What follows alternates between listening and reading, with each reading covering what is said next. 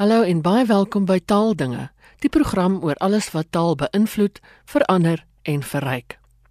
My gas is taalkundige professor Wannie Karstens wat verduidelik wat taalnorme is en waarom dit nodig is. Ja, dit is 'n uh, hele interessante vraag en dis 'n baie baie antwoord. Taaldinge, Maar die program nou oor alles wat taal beïnvloed, norme verander en verryk. met daardie My gas is taalkundige professor Wannie Karstens rigtingwysers wat verduidelik 'n wat taalnorme is en nou waarom dit byvoorbeeld 'n nodig is. parallel te trek met uh, ons dit nodig normale is. samelewing, die sosiale samelewing. Dit is byvoorbeeld die wyse waarop jy aantrek as jy kerk toe gaan. Jy trek netjies se klere aan. En dan gaan jy kerk toe. As jy uh, op die sportveld gaan deelneem, dan trek jy sportklere aan. En as jy universiteit toe gaan of skool toe gaan, dan trek jy die regte klere aan. Dit is omtrent die norme. Dit is die manier waarop jy dinge op 'n sekere tyd doen. Nou, dit geld ook byvoorbeeld uh, as ons bestuur, as jy nie met jou motor ry en jy kom nie die verkeersreëls na nie, kan jy nogal 'n redelike groot chaos teekom.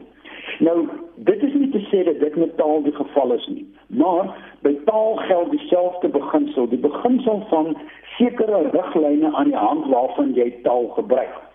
Mense het nogal ook geskryf hieroor en gesê taalnorme is sosio-linguistiese norme.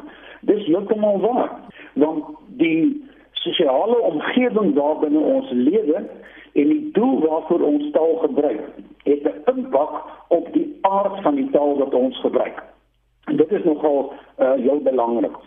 Ek het uh, destyds 'n boek geskryf het, was dit nogal ek, ek was bietjie in 'n moeilike posisie want ek was 'n jong dosent en ek moes vir die studente by die Universiteit van Kaapstad klasse gee oor Afrikaanse taalkunde. Maar ek het nou 'n tydjie agtergekom ten spyte van my beste pogings het het ek geen het ek, het ek minimale impak gehad. Hmm. En terwyl ek rondgesoek het op soek na die regte invalshoek, toe kom ek af op die boekie van professor Frans van Oudendal, wyle professor Frans van Oudendal.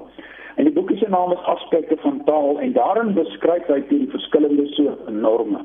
En toe ek dit lees, toe weet ek ek het gekry wat ek soek. En ek het dit toe begin eksperimenteer in my klasse. Dis nou hier in die vroeë 80er jare. En ek kom toe agter dit werk.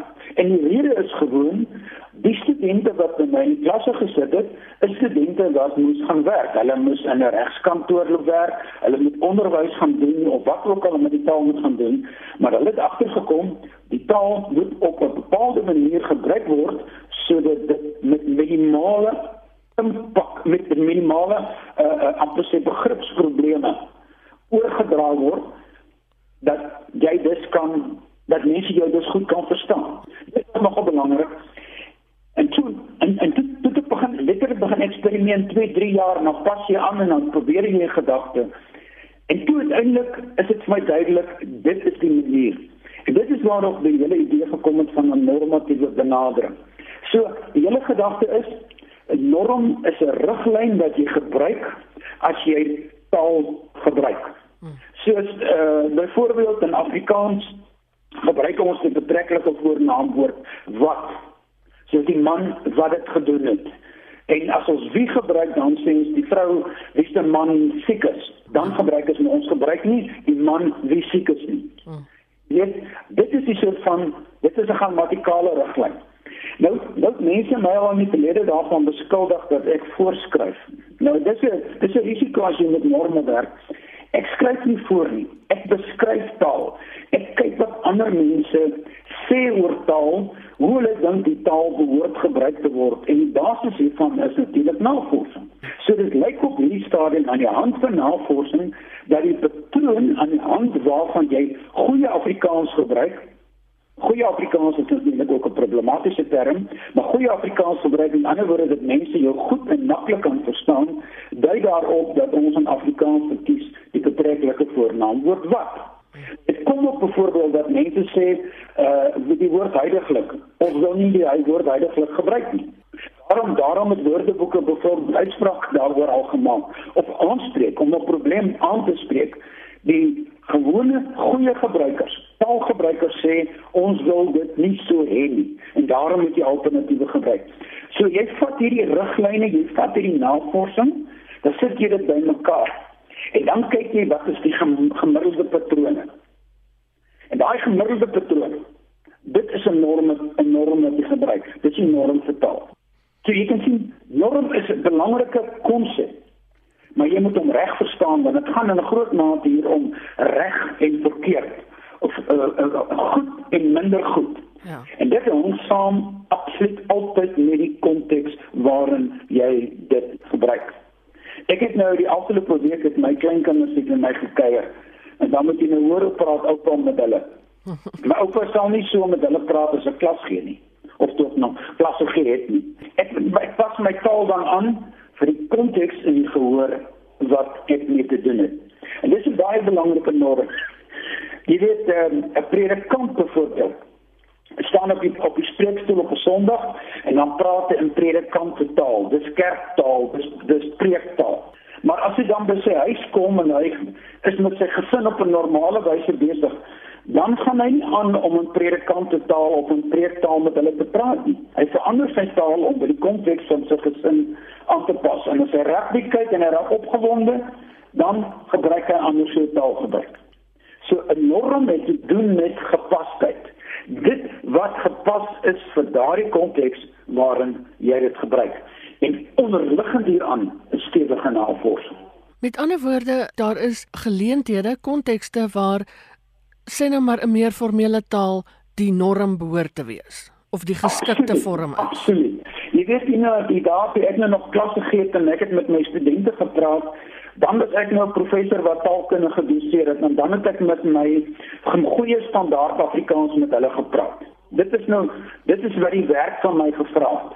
Of as ek en jy nou oor die radio praat hierso, dan gebruik ek ook goeie standaard Afrikaans want die meeste mense wat na ons luister, is mense wat hou daarvan dat hulle ons goed verstaan.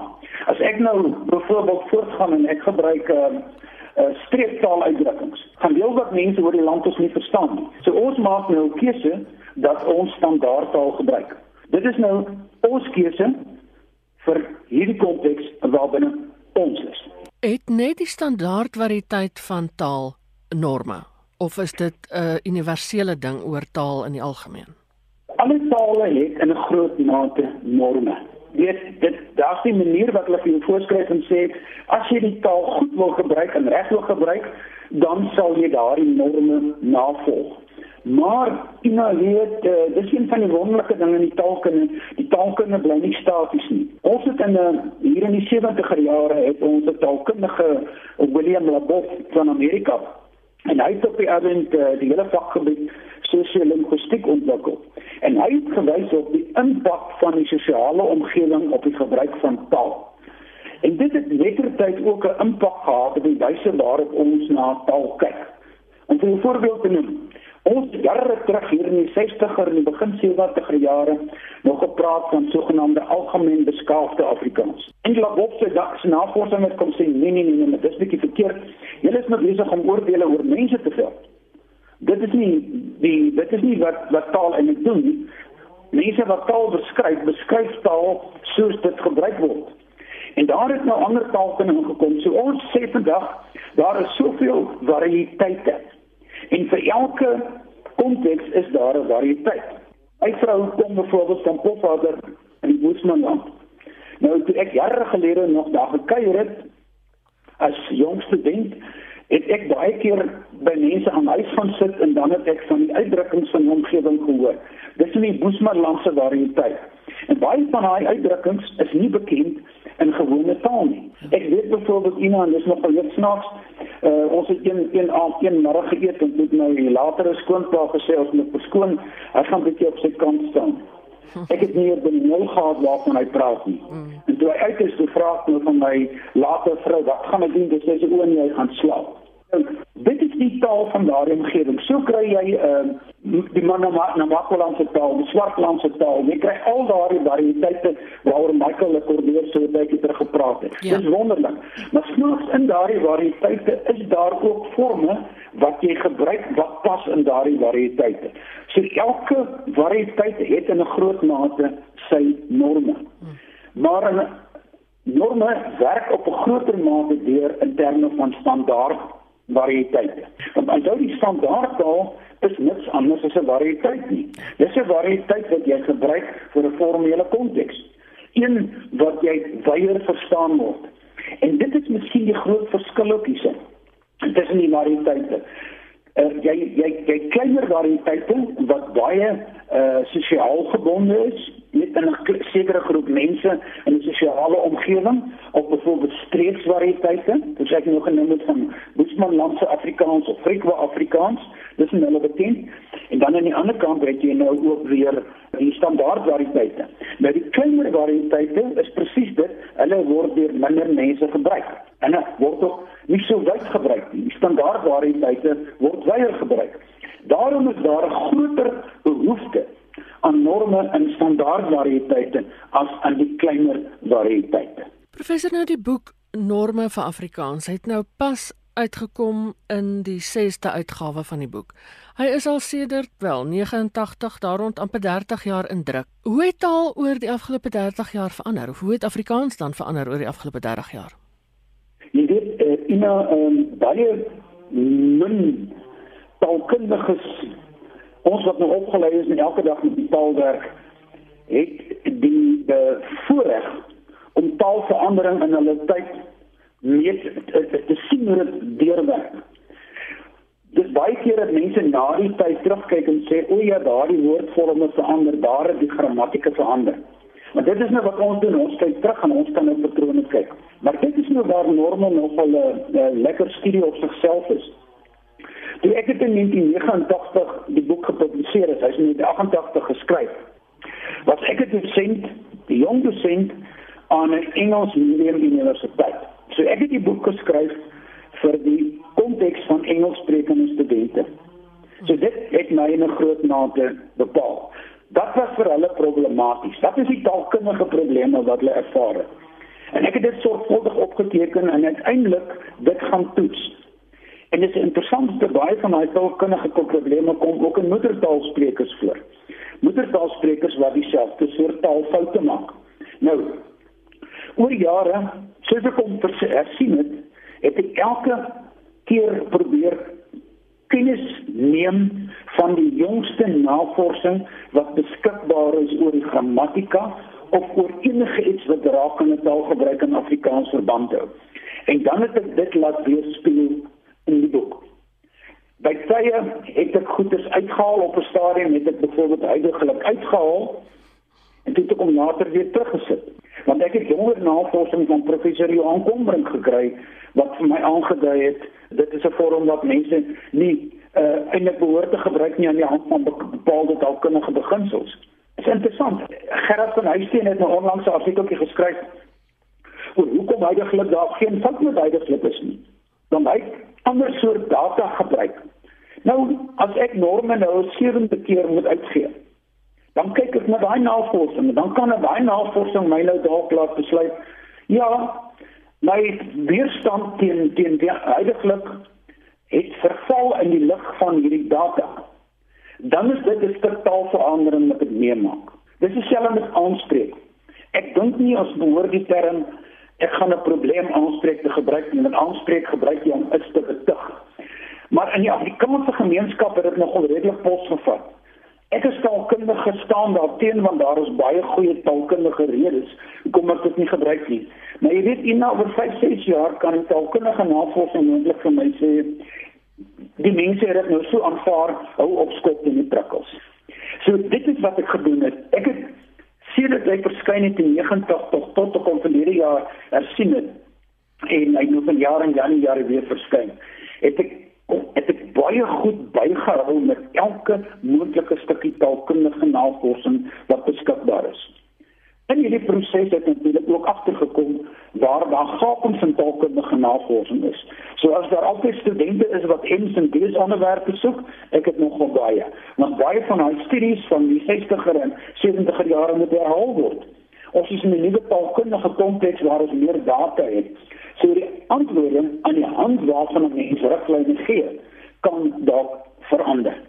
So ek het oor hierdie tydperk van 29 jaar het ek probeer tred hou met veranderinge in die taal in soverre die materiaal tot my beskikking is. En ek het dit opgeteken en waar nodig het dit verander. een van die gebiede waar dit mees sigbaar is, is in spelling. En daaroor kan ons miskien net net 'n bietjie praat. Ja, voor ons by die spelling kom wil ek net eers vra Die subtitel was van tevore Riglyne by die skryf van Afrikaans. By die 6de uitgawe is dit Moderne Standaard Afrikaans. Hoekom die verandering? Ja, dit is nogal interessant in uh, professor Christopher Rensburg en ek het eendag koffie gedrink toe sê vir my Wannie, ek dink daardie titel van jou van riglyne by die skryf van Afrikaans is 'n klein bietjie pedanties. uh as jy net vir mense wil voorsê wat jy bemaak. Dis sê ja, maar dis nie wat ek bedoel nie. Ek het hom geskryf destyds by by UCT. Dis sê ja, maar dis nou soveel jaar later. En toe begin ons praat en toe begin ek besef dit wat ek probeer dokumenteer juist die verandering in standaard Afrikaans die die, die variëteit van standaard Afrikaans is in 'n groot mate gekoppel aan hoe ons Afrikaans vandag gebruik as ons formeel wil kommunikeer. Toe was dit my half voor die hand liggend dat ek moet wegbeweeg van die ou titel tot by tot by uh die vyfde uitgawe en om 'n nuwe titel gee. Dat ons sê standaard Afrikaans is besig om te verander en 'n norme is aanduiding van hoe hy nou lyk. Maar oor 5 jaar of 10 jaar kan hy anders lyk. En dit is deel van wat ek hier probeer opteken het. Een baie belangrike faktor wat hiermee saamgehang het, is die hele proses van destandardisering en ook herstandardisering. Ja. En dit het professor Ernst Kok seer vir my gewys. Want kyk, as die taal gestandaardiseer word, ina dan word hy gebruik vir 'n klompie funksies en vir daardie funksies uh, dan teken jy hom agterna op en hy optekening geskryf in spelriglyne, grammatika riglyne en in woordeboeke. Dit is waar ons dan sien hoe taal op 'n bepaalde tydstip gebruik word. Maar met die tyd kan daardie riglyne begin verander. En Prof Kotse het toegesê hier is 'n proses van herstandardisering besig. En herstandardisering kom eintlik met daarop neer dat die standaard soos dit geken is aanpas by 'n nuwe geslag sprekers. En ja. dit is wat ek probeer weergee. So ek skryf nie voor nie. Ek probeer die ou woord riglyne aandui aan die hand van taalkundige navorsing van hoe Afrikaans op hierdie tydstip gebruik word. Afrikaans in 1988 was anders as nou in 2018. Dit is die belangrike ding en dit is wat ek hier probeer weerspieël.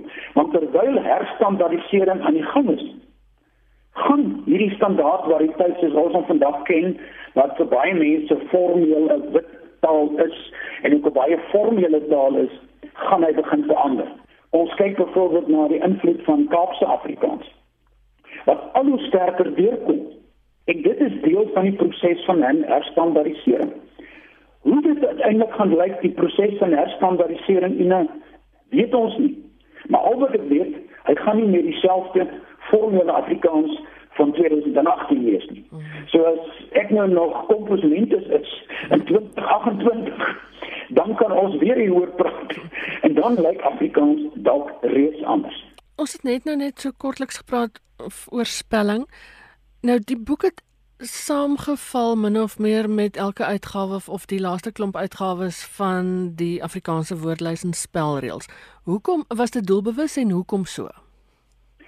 En nou toe ek uh, in 88 die versoek gekry het uh, of om so 'n boek te skryf, toe was dit 'n uh, tyd toe ons nog gebruik gemaak het van die spelling uh, die AWS van 1964. Oh ja. So dit is 'n ou ou ou ou spelling. En hulle was toe die taalkommissie was toe besig om nie na die spelling te kyk. En ek het toe gesê vir die vir die uitgewer, maar ek moet maar eerder wag tot die nuwe spelling uitkom. En toe het hulle my gesê, maar daar is 'n aanvraag vir so 'n boek kom ons werk dan met die huidige spelling. En dit was dan die 64 model. En toe die volgende een in 1991 uitkom, toe het ek hom onmiddellik hersien. En kort daarna het ek dat daar weer 'n hersiening nodig. En toe het ek in die uitgewer ooreengekom met elke hersiening van die AWS gaan ons dan norme laat saamloop. Want 'n stelling is die is die sigbaarste aanduiding van hoe uh taal verander. Jou spelriglyne verander en die stelling van woorde verander stadig aan. Nie baie nie, maar so stadig aan. Daar is klein verskilletjies wat Gerard van Huisteen al sê hulle mooi uitgelig het. Ja. Daar's ook nuwe woorde wat bykom. Jy weet, daar's byvoorbeeld baie woorde wat ons nou sê ons het nie meer hoofletter nodig nie. As deesdae wil as jy dit sê en nie amptelik dan sê hulle vir jou jy het nie meer 'n koppelteken te gebruik nie. Nou in ander gevalle jy hoef nie niemand 'n koppelteken te gebruik nie. Dit is subtiele veranderinge. Maar vir in die wêreld van normatiewe taalkunde is dit belangrike veranderinge. So vir my was spelling altyd 'n soort van 'n uh, 'n uh, uh, amper 'n vernoot in die saamstel van die boek in die en ook natuurlik die bywerk van die boek. En en, en natuurlik vir die uitgewer is dit ook belangrik dat hulle altyd kan sê die boek word nou uitgegee en hy weerspieël die jongste tendense in Afrikaans woordelike en spelreëls. Dit is ook miskien 'n aanduiding vir jou van die aard en die rol en die belang wat 'n boek bundel soos die AWS het in die oog van die uh, Afrikaans sprekende, veral diegene wat omgee vir goeie taalgebruik. En die uitgewer is natuurlik van Skyk Uitgewers.